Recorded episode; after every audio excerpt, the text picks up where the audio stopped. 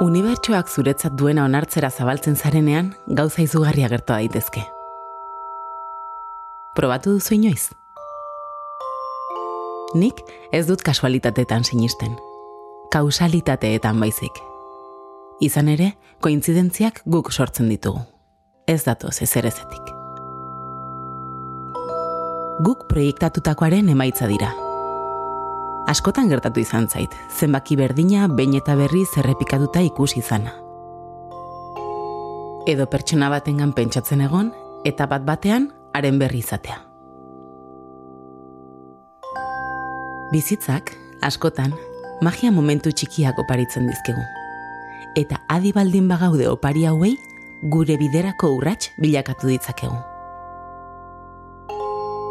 Opariak batzutan, desatseginak izan daitezke. Baina gure misioa, desatseginak izan arren, hauengandik ikastea eta tor daitezken seinalei adi egotea da.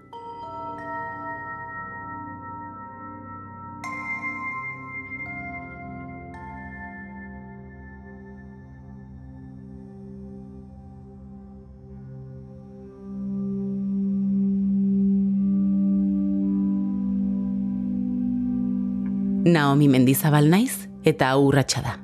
Ongizaterako eta norbanakoaren azkuntzarako podcasta.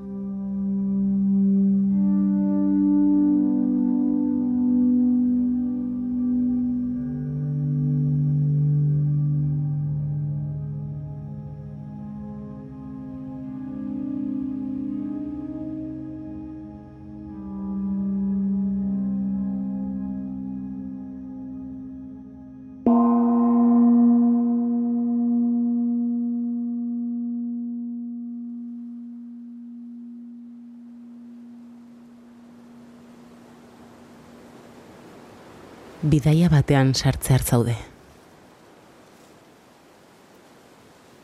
Bidaia honetarako ez duzu maleta ez pasaporterik behar. Mapa bakarra zure sentsazioak izango dira.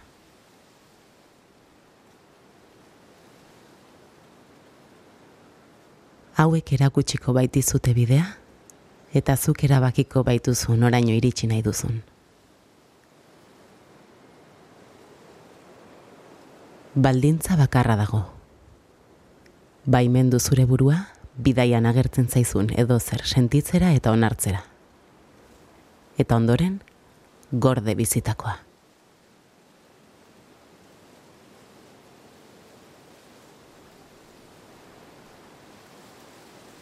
Pentsamendu, emozio, sentipen bakoitza, eskerronez agurtu eta jarraitu aurrera. Bidaiari hasiera emateko itzal ingurua eta itxi begiak.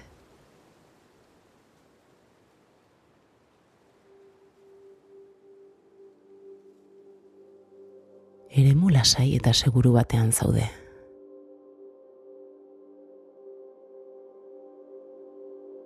Zure gorputza modu erosoan etzan, edo eseri besaulki edo oean. Eta datozen minutuetan, zure begiak lasai itxita utzi.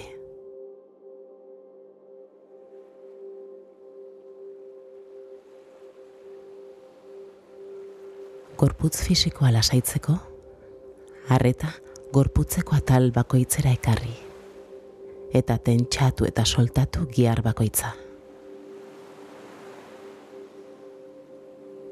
Tentxatu eta soltatu oinetako behatzak bernak, izterrak, ipur masaiak, bizkar osoa, sabela, bularra, besoak, eskuak.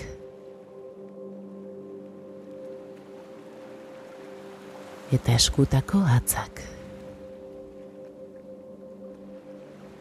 Sorbaldak. Lepoa. Aurpegiko giar bakoitza. Matralla. Matralla. España. A Osabaya. Me engaña.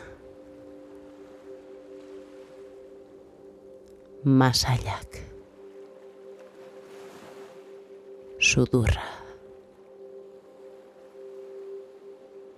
Begiak. Copet. Sentitu zure gorputz osoa solte. Tentsiorik gabe. Eta errepikatu beharra bat aldiz, tentsio eta erlaxazio osoa. Gorputz osoko erlaxazioa lortu arte.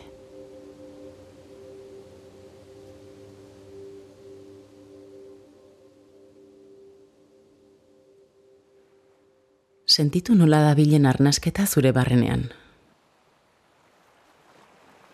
Sentitu zure arnasketaren joan etorria. Egin bat zure arnasketarekin, erritmo eta sinkronia perfektua bilatuz. Bete zure birikak eta zure gorputz osoa arnaz hartze bakoitzarekin. Eta izan kontziente noraino ustu zaitezken. Zuk uste duzuna baino gaitasun handiagoa duzu arnaza zabaltzeko. Beraz, zabaldu zure birikak eta gorputza eta utzi arnasketa zure barruan gerta dadin.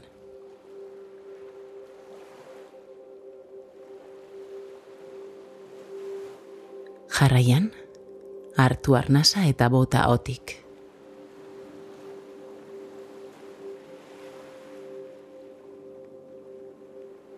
Ahotik askatzean, sentitu nola tentsio denak badoa zen.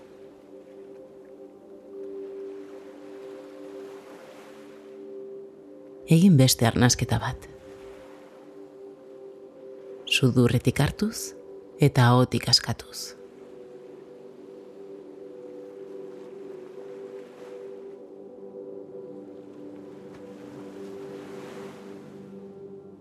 sentitu nola zure gainazala lasaitzen hasi den.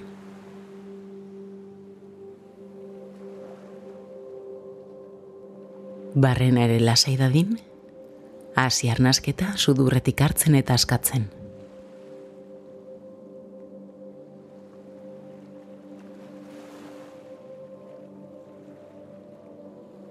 Sakondu zure arnasketa, amaigabea egin nahiko bazenu bezala eta gozatu momentuaz.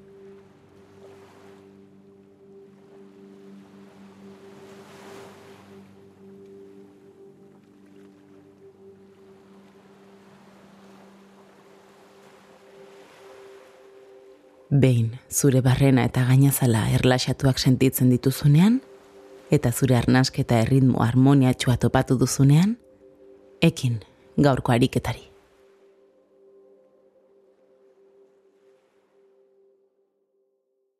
Bertan, lau arnasketa motzen ondoren, arnasketa luze bat egingo duzu. Hogei arnasketa osatu arte. Hau da, lau aldiz errepikatuz. Arnasketa mota honi, arnasketa konektatua edo zirkularra deitzen zaio. Izan ere, arnaz botatzen momentua, arnaz hartzearekin lotu behar baita. Azkenik, arnaz hartzea eta botatzea, arnasketa bakarrean nastuz.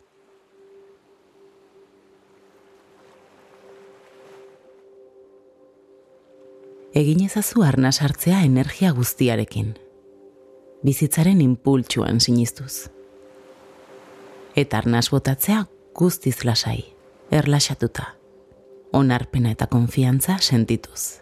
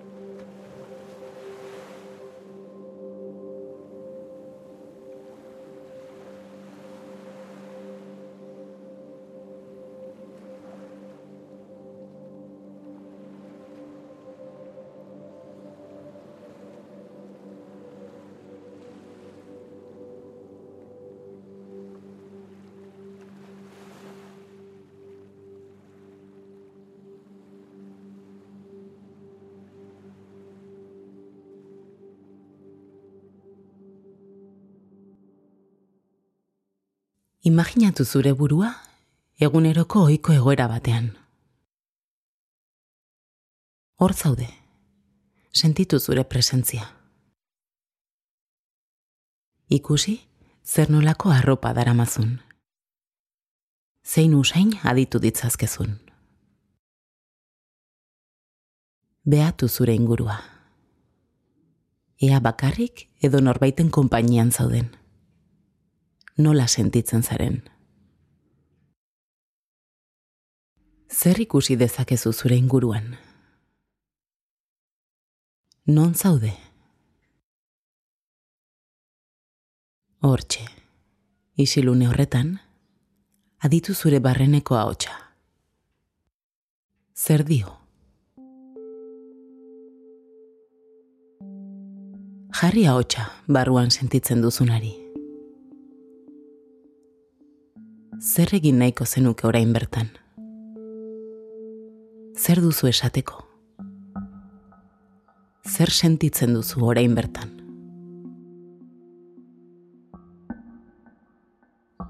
Barruko ahotsa denok dugun bide lagun bat da.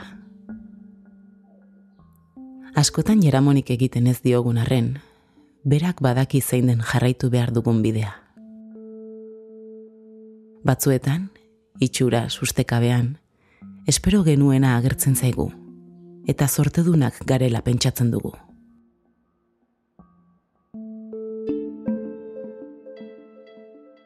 Zorteak ez du meriturik ordea. Lan inkontzienteak eta erabaki txikiek eraman baikaituzte puntu horretara. Eta errealitatea, eguneroko erabaki txikietan datza. Daramazun arropa aukeratzea, eguneroko erabaki txikien multzoan sartzen da. Egunean zehar egiten duzuna eta jaten duzuna ere, erabaki txikien zakuan sartzen da. Konpainia, bizilekua, ikasketak edo lana berriz, bizitzan zehar hartzen ditugun erabaki garrantzitsuen multzoan sartzen dira. Erabaki garrantzitsu hauek, ez ditugu bote prontoan hartzen. Aurretik hartutako erabaki txikiez, osatutako multzo baten ondorio dira bizitzan zehar, erabakiak hartzen goaz. Nora eramango gaituzten oso ondo jakin gabe. Baina hori da bizitza. Erabakiak eta mugimendua. Kausa eta haren efektua.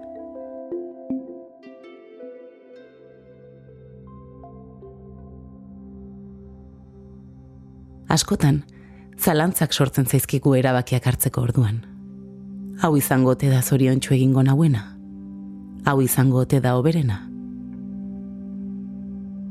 Erabakietan burua sartzen dugunean, arrazoia, barneko haotxorri entzuteari uko egiten diogu. Baina askotan erabakirik garrantzitsuenak erraietatik hartzen dira. Bertan sentitzen duguna entzutetik.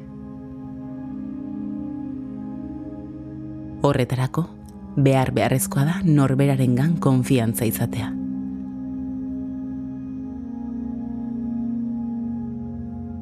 Gertatzen zaizkigun gertakari guztiak, ez baitira kasualitatea. Hor, zure bidean, arrazoi batengatik baitaude. Zure barreneko haotxari geroz eta arreta gehiago jarri, geroz eta zorte handiago izango duzu bizitzan.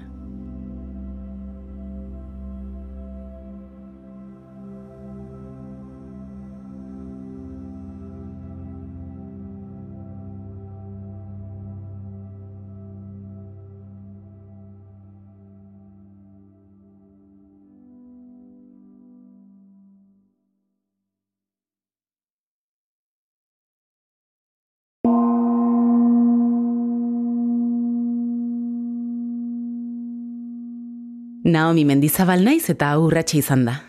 Pausoz pauso zure osotasuna berreskuratzeko bidea egiten lagunduko dizun saioa. Hogeita laugarren kapitulua entzun berri duzu. Gogoratu gainerako guztiak ere entzun gai dituzula EITB podcasten edo dena delako audio plataforman.